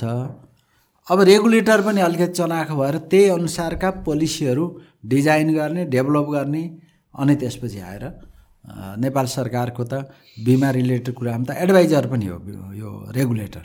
अब गहिले बिमा पदाधिकारी उसले चाहिँ त्यो सही सल्लाह सुझाव पनि नेपाल सरकारले दिन सक्न पऱ्यो त्यस्तै गरी चाहिँ अब निड बेस्ड के छ त? इन्सुरेन्स कम्पनीहरूले के भन्दा देशमा हाम्रो अहिलेसम्मको प्र्याक्टिस के छ भन्दाखेरि इन्सुरेन्स प्रडक्टहरू आफ्नै भन्दा पनि कटिङ पेस्टिङ गर्ने। उताबाट ल्यायो अनि बाहिरको ल्यायो अनि बाहिरकोमा पनि खास गरी इन्डियन प्रडक्टहरू ल्यायो अनि त्यही चाहिँ यसो उ गऱ्यो टाइप गरेर बुझाउने त्यस्तो छ। त्यो होइन। एउटा मैले देखेको के भन्दाखेरि इन्सुरेन्स सेक्टरको असाध्यै कमजोर क्षेत्र भनेको यहाँ रिसर्च भन्ने छैन। त्यो रिसर्चको विङ रेगुलेटरको मा पनि हुनुपर्छ। रेगुलेटर आफैले रिसर्च गर्नुपर्छ। र त्यसको साथसाथै कम्पनीहरूले पनि के गर्नुपर्छ त? रिसर्चको एउटा विङ आफूले पनि राख्नुपर्छ। तर दुःख कुरा के भनेर भन्दाखेरि अहिले पनि त्यो गभर्मेन्ट सेक्टरबाट अब ने अथवा नेपालमा अहिले त नलेज इकोनोमी हो नि। Knowledge इकोनोमीमा innovation research and development information technology entrepreneurship these are the key success factor knowledge इकोनोमीमा अब यो नलेज इकोनोमीमा जब इनोभेसन रिसर्च डेभलपमेन्ट एउटा महत्त्वपूर्ण कम्पोनेन्ट भइसकेपछि त त्यसलाई दिउ प्रायोरिटी दिनु पऱ्यो नि। तर भइरहेको के छ भन्दाखेरि नेपालमा जिडिपीको जिरो पोइन्ट थ्री पर्सेन्ट बढीमा अहिलेसम्म जिरो पोइन्ट थ्री पर्सेन्ट मात्रै रिसर्चमा अथवा चाहिँ इनोभेसनमा गभर्मेन्टकोले बजेट एलोकेट गरेको छ।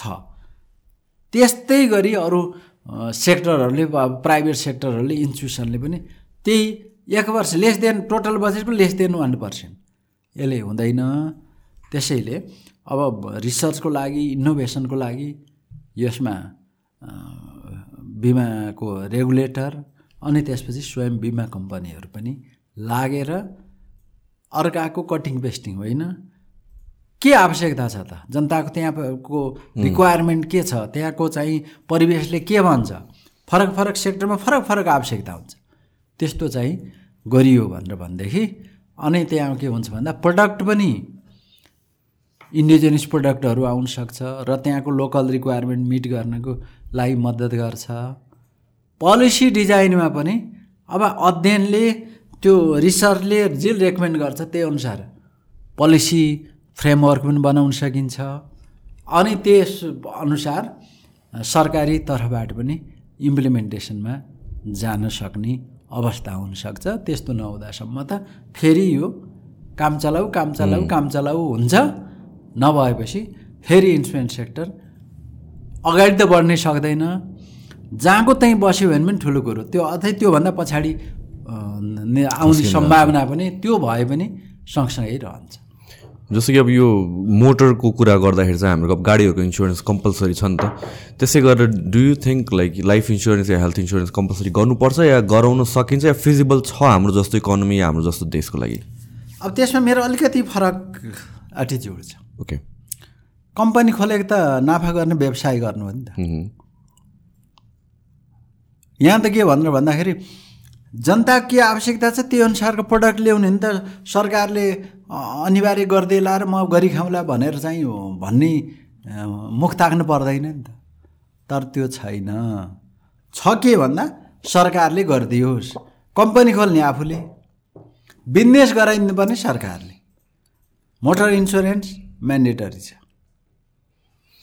उसमा यो एक्सपार्ट भन्छ। फरेन इम्प्लोइमेन्टमा जानेहरूको त्यो पनि म्यान्डेटरी छ। अब अहिले चाहिँ त्यो उसमा एग्रिकल्चर इन्सुरेन्स त्यहाँ एट्टी पर्सेन्ट सब्सिडी छ गभर्मेन्टको एट्टी पर्सेन्ट प्रिमियम सब्सिडी छ। एक लाख रुपियाँ बिमा गऱ्यो भनेदेखि अब पाँच हजार रुपियाँ प्रिमियम लाग्छ। त्यो पाँच हजारको एट्टी पर्सेन्ट चाहिँ नेपाल सरकार चार हजार नेपाल सरकार तिर्छ जम्मा एक हजार प्रिमियम एक हजार तिरेर एक लाखको जोखिम चाहिँ बिमा कम्पनीलाई ट्रान्सफर हुन्छ। यो सबै कुरा सरकारले गरिदिने हो भने यसले के गर्छ भन्दा हामी कहिल्यै पनि खो आफ्नो खुट्टामा उभिन हुँदैनौँ। त्यसैले नेपालको इन्सुरेन्स सेक्टर विकास नहुनाको अथवा यसको विकास नहुने भन्दा पनि स्मुथ डेभलपमेन्टको एउटै हिन्ड्रेन्सेस के हो भन्दा डिपेन्डेन्सी सिन्ड्रोम। सरकारमा निर्भर उसले गरिदिनु भने उसले हो म पनि त्यो हुँदाखेरि अलिकति भने। नेपालको नक्सा पास गर्दा अनिवार्य इन्सुरेन्सलाई एट्याच गर्ने। कति सजिलो मैले पनि सुझाव लेखेर दिएँ बोलेँ। आनन्द बिमा कम्पनी त के हो भन्दा आनन्द? अब उसले के अरे ब्याङ्कहरूले ऋण दिँदाखेरि इन्सुरेन्स पोलिसी खोज्छन् बिमा कम्पनीले प्रमोसन पनि गर्नु पर्दैन मार्केटिङ पनि गर्नु पर्दैन सो त सो त बिमा हुने त्यो होइन। ओपन मार्केट हुनु ओपन मार्केट आफै लाग्नु पर्यो र उसलाई चाहिँ त्यसको चाहिँ निट चाहिँ क्रिएट गर्नु पऱ्यो क्या निट क्रिएट गर्ने आफैले चाहिँ यो यो फाइदा हुन्छ इन्सुरेन्सबाट हामी कसैबाट पनि निर्भर हुँदैनौँ। हो गभर्मेन्टले हामीलाई हेल्प गर्छ सो फार द बेटर अरू इन्स्टिट्युसनहरू छन् है हामी अलवेज वेलकम गर्छौँ। तर गर्ने हामीले नै हो। तपाईँहरूले इन्सुरेन्स गर्नुहोस् तपाईँहरूको सेवा हामी दिन्छौँ। क्लेम हामी दिन्छौँ भनेर भन्नु पऱ्यो अनि सरकारले म्यान्डेटरी गरिदिने प्रिमियम आफूले लिने। अहिले पनि हेरौँ न कोभिडमा पनि इन्सुरेन्स कम्पनीको ल्याबले त्यो एग्रिमेन्ट गर्दा जम्मा एक अरब। डेढ प अरब पाउने दुई अरब प्रिमियम लिए। तर ऊ चाहिँ क्लेम त त्यो थोरै थियो नि त अब त अहिले त बढेर गयो। थोरै प्रिमियम भए पनि धेरै अब यही भनौँ न अहिलेको एग्रिकल्चरको पाँच हजार प्रिमियम हुँदा एक लाखको चाहिँ ल्याबिलिटी हामीले बोकाउनु पर्छ। बिमाको नेचर त्यही हो नि त। थोरै प्रिमियम लिने तर ल्याबिलिटी धेरै हो। प्रिमियम लिने तर अब तर म्यान्डेटरी गराइदिएर गभर्मेन्टले गरिदिन्छ अथवा अरूले गरिदिन्छ भनेर सोचाइ राख्यो भने यसले एकदम तीव्र गति लिन स्मुथ डेभलपमेन्ट हुन गाह्रो हुन्छ। गभर्मेन्टले पनि गर्नुपर्छ। गभर्मेन्टले के भन्ने भन्दा वातावरण सिर्जना राम्रो पोलिसी बनाइदिने हो। गभर्मेन्टले चाहिँ अरू अरू इन्फ्रास्ट्रक्चरहरू बनाइदिने हो जस्तो अघि हेल्थ इन्सुरेन्स हस्पिटलहरू गभर्मेन्टले बनाइदिनुपर्छ। बाटोघाटो पुर्याइदिनु पऱ्यो त्यहाँ चाहिँ। अरू यो टेलिको यो फोनहरू अरू सुविधाहरू त्यहाँ ड्रिङ्किङ वाटरको व्यवस्था गरिदिनुपर्छ। सरसफाइको व्यवस्था गरिदिनुपर्छ। त्यस्तै एग्रिकल्चर इन्सुरेन्स भन्यो भनेदेखि एग्रिकल्चर इन्सुरेन्सका त्यहाँ चाहिँ टेक्निकल ह्यान्ड्सहरू अब भेटनरी डक्टर्सहरू अरू चाहिँ कृषि प्र जेटी जेटिएहरू एभाइलेबल गराइदिनुपर्छ र कृषिको लागि चाहिँ त्यहाँ पशु सेवा केन्द्रहरू त्यहाँ एभाइलेबल गराउनुपर्छ टेक्नोलोजीहरू त्यहाँ दिनुपर्छ। अनि वेदरको फोरकास्ट गर्नको लागि वेदर फोरकास्ट गर्ने स्टेसनहरू धेरै ठाउँमा चाहिँ गभर्मेन्टले राखिदिनुपर्छ। गभर्मेन्टले गर्ने कुराहरू छन् गभर्मेन्टले गर्नै पर्ने कुराहरू। त्यो गभर्मेन्ट पर्छ तर बिजनेसै गभर्मेन्टले गर्दैन त्यति सधैँभरि राम्रो हुँदैन। इनिसियल फेजमा इट्स फाइन डिपेन्डेन्सी क्रिएट गरिदिनु डिपेन्डेन्सी क्रिएट गरिदिनु इन्फ्रास्ट्रक्चर र फाउन्डेसनमा चाहिँ गरिदिनु पर्यो हो। र त्यो पनि पोल्युटेड हुन्छ कि? त्यो क्लेम सेटलमेन्ट गर्दा पनि अहिले त गभर्मेन्ट इन्भल्भ भयो नि क्लेम सेटलमेन्ट हो। त्यो भयो त सिधै कोभिड लाग्छ जतिलाई यति एक एक लाख रुपियाँ दिने जतिलाई लाग्छ भनेर गभर्मेन्टले डिक्लेयर गरिदिए हुन्छ नि त। त्यहाँ बिमा कम्पनी मार्फत जानुपर्छ। पर्दैन नि त। एउटा त्यो गर्नु पर्दैन अब अरू कुरो चाहिँ के भन्दा हाम्रो ल्याबिलिटी हो त्यो भूकम्प पीडित इत्यादि भयो भने हामी चाहिँ दिन्छौँ बाढी पीडित भए पनि दिन्छौँ धानमा धान बाली नष्ट भए पनि दिन्छौँ मकैमा घोगा नलायो गेडा नलायो पनि दिन्छौँ भनेर गभर्मेन्टले भनिदिनु पऱ्यो। त्यो ल्याबिलिटी गभर्मेन्टसँग हुने अर्कै कुरा हो। तर बिजनेस भनेको बिजनेस हो फेरि चाहिँ। त्यसैले केही समय चाहिँ गभर्मेन्टको सहयोग पाउनु स्वाभाविक हो। सधैँभरि गभर्मेन्टले म्यान्डेटरी गरेर अनि हामी बिजनेस गर्छौँ र नाफा कमाएर बस्छौँ। आरामसँग भनेर भन्ने एटिच्युड सधैँभरि राम्रो हुँदैन। इन्सुरेन्सको कुरा गर्दाखेरि अघि तपाईँले एउटा भन्नुभयो जस्तो कि पाँच लाख पाँच हजार तिरेर एक लाखको इन्सुरेन्सको कुरा भयो एग्रिकल्चरमा होइन? अब इन्सुरेन्सको इन जेनरल नै पोलिसीहरू हेर्ने हो भने चाहिँ अमाउन्टभन्दा क्लेम त एकदम मच हायर हुन्छ नि मल्टिपलमा सो इन जेनरल सर्टमा कुरा गर्नु पऱ्यो इन्सुरेन्स काम कसरी गर्छ? क्या तपाईँले तपाईँले भनेको चाहिँ म बुझेँ। यो यसलाई सस्टेन कसरी गर्छ भनेको हो एक्ज्याक्टली हो। त्यही हो। हो।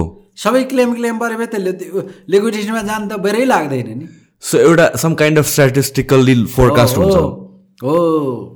त्यो के भन्दा इन्सुरेन्स जहिले पनि it is guided by certain principles त्यसमध्ये चाहिँ एउटा के हो भन्दाखेरि प्रिन्सिपल्स अफ प्रोबेबिलिटी अथवा प्रिन्सिपल्स अफ लार्ज नम्बर भनौँ ल अफ लार्ज नम्बर त्यसको प्रेडिक्सन हुन्छ त्यो दुई चार एक नर्मल एबनर्मल इयरहरूलाई ध्यानमा दिएर त्यसको जोखिम यो क्षेत्रमा कति कसरी हुन्छ? जस्तै लाइफमा भयो भने मोर्टालिटी टेबल एउटा बनाइन्छ। मोर्टालिटी टेबल बनाउँदाखेरि पनि एक वर्षको दुई वर्षको डेटा लिएर कोही कुनै वर्ष बेसरी यस्ता पेन्डेमिक भयो भएपछि मर्या हुन्छ कुनै वर्ष नमर्या हुनसक्छ। कुनै वर्ष नर्मल डेथहरू हुनसक्छ। केही वर्षहरू दस पन्ध्र वर्ष बिस वर्षको अथवा पच्चिस वर्ष पचास वर्षको डेटा लिएर अनि पर थाउजन्ड कतिको मृत्यु हुन्छ त्यसको आधारमा रिस्कको degree of risk will be determine degree of रिस्कको आधारमा अनि प्रिमियम त्यसको कभरेज कति हुन्छ त्यो हेर्ने हो।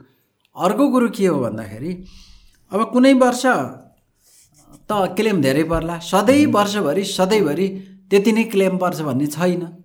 नभए हुँदाखेरि क्लेम नपाउने। यो फेरि यो प्रिन्सिपल फेरि सुरुको प्रिन्सि प्रिन्सिपल्स अफ कोअपरेसनमा आधारित कुरा हो। जसलाई जसको दुर्घटना हुन्छ उसले बिमा कम्पनीहरूले त्यो क्लेम दिने त माध्यम मात्रै हो कि? वास्तवमा त्यो क्लेम कोबाट दिइन्छ भन्दा हजारौँ लाखौँ बिमितहरूबाट कलेक्सन गरेको थोरै थोरै रकमबाट एउटा फन्ड क्रिएट गरेर त्यो फन्डबाट के गर्ने हो? क्लेम सेटलमेन्ट गर्ने हो। सधैँभरि अब सबैको क्लेम पऱ्यो भनेदेखि त सम्भव छैन एउटा कुरा। अर्को कुरो इन्सुरेन्स कम्पनीहरूले पनि आफूले सबै जोखिम आफूले वहन गर्न सक्दैनन्। उनीहरूले पनि के गर्छन् भन्दाखेरि त्यो बिमितबाट हजारौँ व्यक्तिबाट लिएको प्रिमियम मध्येबाट कति जोखिम आफूले वहन गर्न सकिन्छ? कति सकिँदैन। सक्ने जति जोखिम आफूले राख्छ नसक्ने जति जोखिम फेरि पुनर्बिमा कम्पनीलाई ट्रान्सफर गर्छ। इन्सुरेन्स कम्पनीहरूको पनि इन्सुरेन्स इन्सुरेन्स कम्पनीहरूको पनि इन्सुरेन्स हुन्छ। तर फेरि इन्सुरेन्स कम्पनीहरूको इन्सुरेन्स पनि कहिलेकाहीँ त्यो पनि म्यासिभ लसमा हुन्छ। नाफा नाफा नाफा नाफा भयो। जस्तै सुनामीहरू आयो है सुनामी आयो। त्यहाँ थाइल्यान्डतिर श्रीलङ्कातिर धेरै नोक्सान भयो। इन्डियाको जेआइसी री भन्छ जनरल इन्सुरेन्स कर्पोरेसन त्यो त्यही वर्ष न नोक्सानमा गयो थियो तर धेरै वर्षसम्म त नाफै भएको थियो नेपालबाट अरबौँ प्रिमियम लयो। तर क्लेम त नेपालले कम पाएको थियो। भूकम्प गयो भूकम्प गएपछि फेरि त्यहाँबाट पनि इन्सुरेन्स कम्पनीबाट क्लेम आउँछ। त्यसैले यहाँको भनाइ इन्सुरेन्स कम्पनीहरू यति थोरै लिएर पाँच हजार लिएर एक लाख रुपियाँ तिर्ने बीको पनि पाँच हजार लिएर एक तिर्ने सबैको पाँच हजार लिएर एक तिर्यो भनेदेखि त यहाँ सस्टेन पनि गर्दैन रिइन्सुरेन्सबाट पनि त्यति पैसा सबै त कभर यहाँ त अलिकति रिटेन्सन त आफूले राखेको हुन्छ नि त्यति मात्रै होइन नि त। त्यसको पनि खर्च हुन्छ नि। अपरेटिङ एक्सपेन्सेस हुन्छ म्यानेजरियल एक्सपेन्सेस हुन्छ। होइन? त्यसको चाहिँ इन्फ्रास्ट्रक्चर त डेभलप गर्नलाई एक्सपेन्सेस हुन्छ। त्यो सबै एक्सपेन्सेस कटाएर चाहिँ पनि क्लेम पर्या परे गऱ्यो भने त इन्सुरेन्स कम्पनी लिक्विडेसनमा जान्छ। त्यसो गर्दाखेरि अब यो अलिक छुट्टै नेचरको है यो। जस्तै ब्याङ्क भयो ब्याङ्क फेलियर भयो भने उसको ल्याबिलिटी कति हुन्छ भन्दा जति डिपोजिटरले जति डिपोजिट राखेको थियो त्यतिको थपमा चाहिँ ब्याजको मात्रै ल्याबिलिटी हो। तर इन्सुरेन्समा त्यस्तो हुन्न। इन्सुरेन्समा प्रिमियम थोरै लिइन्छ तर ल्याबिलिटी होइन। एक करोड एक करोडको प्रिमियम लियो भनेदेखि लगभग चाहिँ ल्याबिलिटी चाहिँ पच्चिस तिस कम्तीमा पनि पच्चिस तिस अरब हुन्छ। ल्याबिलिटी त्यति हुन्छ। एक करोड लिँदाखेरि सो अब अघि हामीले अवेरनेसको पनि कुरा गऱ्यौँ नि त किनभने इन्सुरेन्स कम्पनीले अब इन्सुरेन्स एज एन इन्डस्ट्रीलाई ग्रो ग्रो गर्ने हो भने त अवेरनेसको एकदमै इम्पोर्टेन्स छ। सो अवेरनेसमा चाहिँ कहाँ कमी पुगिरहेछ त? अवेरनेस जताततै छ। कहाँ कमी छ भनेर भन्दाखेरि अवेरनेस चाहिँ के भन्दा हामीले पनि एक त इन्सुरेन्सलाई मान्छेहरूले पनि पर्दाखेरि एकदम महत्त्व दिने। भूकम्प गयो गर्न पर्ने रहेछ अब नपर्दासम्म मतलब त्यो दुई वर्षपछि बिर्छ नि। अनि यता चाहिँ ऊ कोरोना लाग्यो कोभिड भयो क्लेम पाइयो है पाइँदो रहेछ इन्सुरेन्स भनेर भन्ने। त्यसपछि अरू मतलब नगर्ने। हाम्रो पनि त्यस्तो छ जनताको पनि। र त्यसको साथसाथै बिमा यसमा चाहिँ सबैको दायित्व एउटालाई मात्रै दोष दिनु हुँदैन। बिमा कम्पनीहरू बिजनेस उनीहरूको हो। उनीहरूले चाहिँ अवेरनेस क्रिएट गर्नुमा केही फन्ड त्यहाँ छुट्याइदिनुपर्छ आफूले प्रोग्रामहरू चाहिँ बनाउनु पर्छ। र बिमा मध्यस्थकर्ताहरू उनीहरूले पनि सही कुरा भनेर अवेरनेस क्रिएट गर्नुपर्छ। र त्योभन्दा महत्त्वपूर्ण रेगुलेटरको पनि काम हुन्छ। रेगुलेटर चाहिँ अब त्यो सर्भिस चार्जेसहरू लिएर बसेका हुन्छ। त्योसँग अलिकति फन्ड पनि होला। उसले पनि अवेरनेस क्रिएट गर्नुपर्छ। र अहिले त के छ भन्दाखेरि स्थानीय सरकारहरू स्थानीय सरकार गाउँपालिका नगरपालिका वडा तिनीहरूले पनि अथवा जनप्रतिनिधिहरू तिनीहरूको पनि यो रोल हुन्छ। र मिडिया मिडिया चाहिँ अब पिपुल इन्स्टिट्युसन्सहरू र सोसियल मोबिलाइजर्सहरू है। आदिको पनि धेरै महत्त्वपूर्ण भूमिका हुन्छ। त्यसैले सबैले आफ्नो तर्फबाट केही न केही योगदान गर्नुपर्छ भन्ने मलाई लाग्छ। एकै पक्षबाट मात्रै त्यो अपेक्षा नगरौँ। हो अघि तपाईँले भन्नुभएको एउटा ठ्याक्क मलाई क्लिक भयो कि यो आफूलाई नपरेसम्म भन्ने कुरा कि अब किनभने मैले पनि पहिला कति इन्सुरेन्सहरू चाहिँ गरिरहेको थिएँ। एकचोटि मेरो गाडीको एक्सिडेन्ट हुँदाखेरि अनि क्लेम पाएँ कि? अन्त ए यस्तो सजिलो हुने रहेछ भनेर। त्यो बेलापछि मैले इन्सुरेन्स जहिले पनि मेरो टप प्रायोरिटीमा सकेन्ड लाभ इन्सुरेन्स गर्नुपर्छ है भन्ने कुरो। किनभने त्योभन्दा अगाडि त कहिले पनि फिडब्याक नै पाएको थिएन नि त। पैसा मात्र गइरहेछ जस्तो लाग्ने। तर इन्सुरेन्सको भ्यालु चाहिँ एकचोटि परिसकेपछि फिल हुने रहेछ हुन्छ। अब इन्सुरेन्समा पनि त्यहाँ म चाहिँ बिमा समिति हुँदा दुई हजार छैसठी के अरे भदौ सोह्र गतदेखि मोटरमा थर्ड पार्टी इन्सुरेन्स कभरेज गरे आएको थियो थर्ड पार्टी इन्सुरेन्स कभर गर्दाखेरि त अब उपचारको र पाँच लाखको डेथलाई पाँच लाखसम्म कभर गरिएको थियो। अहिले त त्यति बेला प्यासेन्जर र त्यो स्टाफको मात्रै थियो। के अरे प्यासेन्जरको थिएन ऊ थर्ड पार्टी र स्टाफको मात्रै थियो। अहिले चाहिँ दुई हजार त्रिहत्तर साउन एक गतदेखि फेरि त्यो उसको प्यासेन्जरको पनि पाँच लाख पहिला एक लाख थियो। अहिले पाँच लाख गराइयो। त्यो त्यसरी अनि अब यो चाहिँ मोटर थर्ड पार्टी मात्रै म्यान्डेटरी हो। सबै मोटर छैन। ओन ड्यामेज भन्छ प्रोपर्टी इन्सुरेन्स अप्सनमा छ। अब धेरैले के गर्न थाल्यो भन्दाखेरि फेरि प्रोपर्टी नगर्ने थर्ड पार्टी म्यान्डेटरी भाग मात्रै गर्ने त्यस्तो चलन पनि आयो। अब त्यहाँ प्रोपर्टी गर्दाखेरि पनि क्लेम पाइएन भनेर भनेदेखि नो क्लेम डिस्काउन्ट पनि हुन्छ। अर्को पटक प्रिमियम तिर्न जाँदाखेरि फेरि पन्ध्र प्रतिशतसम्म प्रिमियम रेट घटाएर प्रिमियम तिर्न रिन्यू गर्न पाइन्छ। त्यसो हुँदाखेरि प्रोभिजनहरू धेरै छन्। नपर्दासम्म त हो। र त्यसको अवेरनेसमा अघि मैले पछि त्यो सम्झिँदा सम्झिँदै अब अर्कोतिर डेभिएट भयो। अर्को चाहिँ हाम्रो शिक्षाको कुरामा पनि। विद्यालय तहमा कलेज तहमा यो कुराहरू पनि अनि इन्सुरेन्सको अवेरनेसको त्यो लागि यो पाठ्यक्रमहरूमा पनि यी कुराहरू समावेश गरियो भनेदेखि थ्योरिटिकल हजुर। प्र्याक्टिकल त व्यवहारमै जानुपर्छ। थ्योरिटिकल चाहिँ एउटा चाहिँ यो जुन भोग भनौँ न ज्ञानको त्यो भोग सिर्ना गर्नलाई त्यहाँबाट पनि थोर बहुत मद्दत हुन्छ भन्ने मलाई लाग्छ। एउटा लास्ट टपिक डिस्कस गरौँ है। अब जस्तो कि यो अहिले अहिलेको कन्टेक्स्टमा हेर्ने हो भने चाहिँ रिसेसनको कुरा छ। सी रिसेसन आउँछ भनेर इट्स अलमोस्ट आउँछ नै भने जस्तो छ। मोस्ट केसेस केस स्टडी हेर्ने हो भने। नाउ रिसेसन आएपछि अब एउटा इन्डस्ट्रीलाई अफेक्ट गर्ने कुरा त छँदैछ। तर त्यो सँगसँगै इन्सुरेन्स यस्तो इन्डस्ट्री भयो जसले चाहिँ अरू इन्डस्ट्रीलाई पनि इन्स्योर गर्छ अरू बिजनेसेसलाई पनि इन्स्योर गर्छ ब्याङ्किङलाई पनि इन्स्योर गर्छ सबैको भार चाहिँ लास्टमा गएर पर्ने भने इन्सुरेन्स इन्डस्ट्रीमा हो। सो यस्तो केसेसमा चाहिँ कसरी अफेक्ट गर्छ? इन वाट सेन्स कसरी निस्किन्छ बाहिर कसरी? कसरी ह्यान्डल गर्न। सकिन्छ?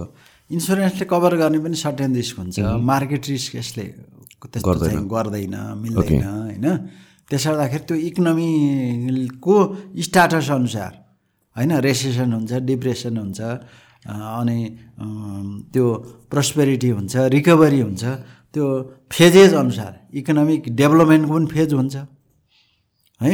डेभलपमेन्टको पनि जस्तै रोस्टोले भन्यो भने प्रि कन्डिसन फर टेकअप अब पहिला के अरे traditional society pre conditional take up take up अनि age of high mass consumption भनेर भने हुन्छ।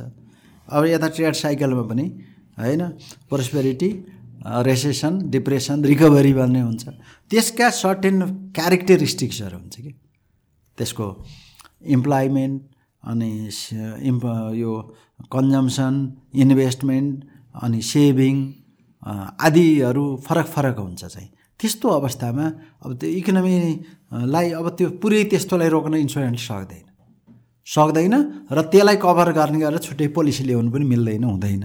त्यो त इकोनोमीले गाइड गर्छ क त्यस्तो कुन स्टेटमा छ स्टेट भनेको अवस्था। कुन अवस्थामा छ त्यही अनुसार अनि एडजस्ट गर्ने हो इन्सुरेन्स कम्पनीले त्यस्तो मार्केट रिस्कहरूलाई कभर गर्दैन र त्यसको साथसाथै इन्सु इकोनोमी एकातिर छ त्यो एडभर्स वेमा पनि जाँदैन। त्यो सँगसँगै जाने हो। फेलियर भए पनि हुने हो अब प्रोटेक्सन भए पनि हुने हो। सो त्यसको हिसाबले बुझ्दाखेरि त मेन इफेक्ट हुने भनेको त मान्छेले पे गर्न सकेन भने प्रडक्ट किन्न सकेन प्रडक्ट किन्न सकेन त्यो। त्यो चाहिँ एकदमै हो। किन भनेर भनेदेखि अब पहिलो त खाने बस्नेकै खानेकै समस्या खाने लाउनेकै समस्या हुन्छ नि हो कहाँ स्पेन्डिङ गर्ने त्यो चाहिँमा सेभिङ भयो बचत भयो भनेदेखि सरप्लस भएपछि मात्रै न प्रडक्टहरू अरू किन्ने हो। त्यसले गर्दाखेरि त्यस्तो अवस्थामा इन्सुरेन्स लग्जरी प्रडक्ट हो उम्, हो।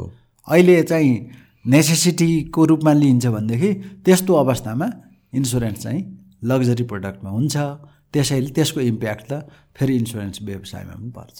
इन्सुरेन्स व्यवसायमा पर्ने भनेको फेरि अल्टिमेटली त जनता बिमित इकोनोमीलाई पर्ने हो फेरि।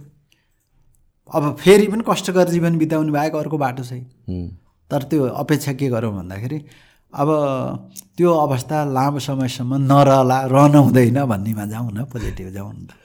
हस् thank you so much for यो टाइम आइदिनुकोमा धेरै धेरै धन्यवाद। इन्सुरेन्स भनेको एउटा यस्तो इम्पोर्टेन्ट कुरा हो र धेरैलाई थाहा हुनुपर्छ जस्तो लाग्छ मलाई चाहिँ स्पेसली यङ एजदेखि नै। र यसको बारेमा जति कुरा निस्क्यो जति अवेरनेस क्रिएट गर्न सक्यो सबैजनालाई बेनिफिसियल हुने हो at the end of the day so धन्यवाद आइदिनु ल मलाई पनि। यो अवसर दिनुभयो इन्सुरेन्सको बारेमा आफ्नो अनुभव आफूले जानेका कुराहरू अब व्यक्त गर्ने अवसर प्राप्त भयो। यसले पनि तपाईँहरूको प्रस्तुति जुन हुन्छ यसले पनि इन्सुरेन्स सेक्टरको अवेरनेस क्रिएट गर्नमा थोर बहुत मद्दत गर्यो भनेर भनेदेखि म यहाँ उपस्थित भएको सार्थक हुनेछ भन्ने मैले सम्झेको छु। फेरि पनि यहाँलाई धन्यवाद। Thank you so much.